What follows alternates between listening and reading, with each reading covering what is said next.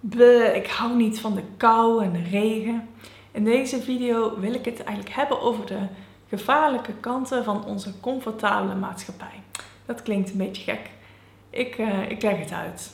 Ik zal ook aan het einde van die video een stukje zeggen over ijsbaden. Eh, denk aan de Wim Hof methode, wat de laatste jaren heel populair is geworden en wat mijn ervaring daarmee is. Want dat heeft hier ook mee te maken.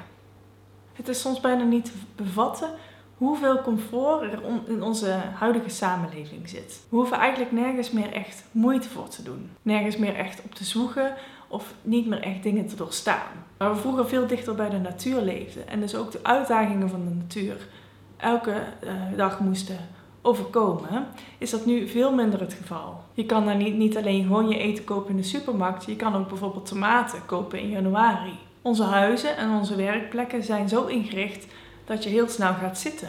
Want er is overal zitmogelijkheid. Als je iets te eten wil, dan hoef je maar twee keer te klikken en binnen 10 minuten heb je het in huis. We hebben technologie, we hebben onze smartphones, wat betekent dat we nooit meer verveeld hoeven te zijn. Je kan alles verlichten, zodat je ook s'nachts door kunt werken.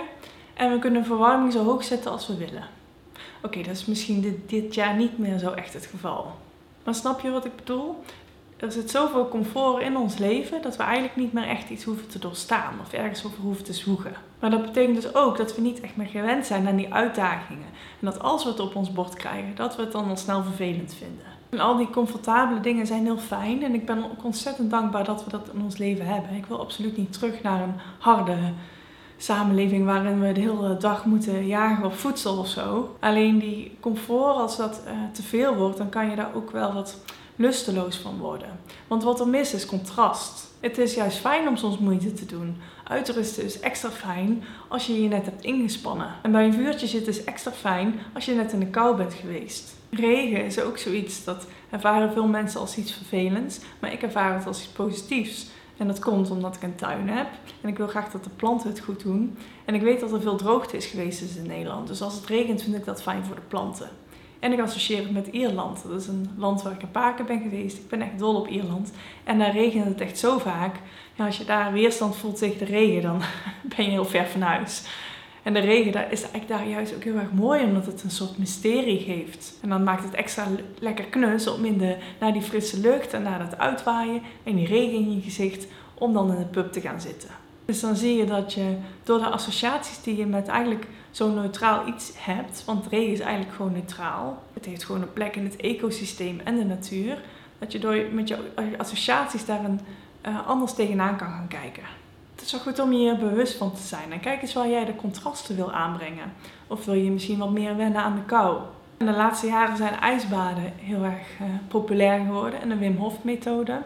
En ik denk ook dat dat komt omdat veel mensen de behoefte voelen om zichzelf in dat opzicht wat meer uit te dagen. En om wat dichter bij de natuur te komen. En daar zit dan ook wel de nuance in. Want ik heb zelf een aantal keer een ijsbad genomen. Ik heb ook een periode uh, geprobeerd om koud af te douchen. Juist omdat ik weet dat dat heel goed voor je is. Voor je immuunsysteem, voor je mentale gezondheid, voor je doorzettingsvermogen, voor je lijf enzovoort. Maar doet het er niet voor mij. En dan denk je misschien, je zei net dat contrasten goed zijn. Waarom doe je dat dan niet? Nou, omdat het ook kan omslaan in jezelf te veel pushen. Jezelf over grenzen heen trekken die er eigenlijk ook met een reden zijn.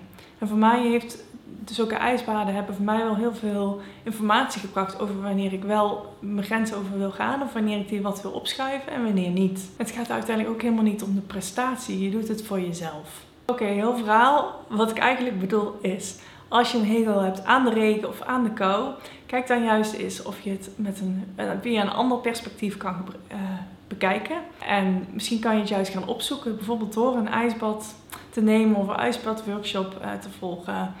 Of door het wat langzamer aan te doen. Door eens juist zonder jas naar buiten te gaan bijvoorbeeld. Of de verwarming niet te hoog te zetten om daar te proberen aan te wennen. En kijk eens wat dat voor je doet.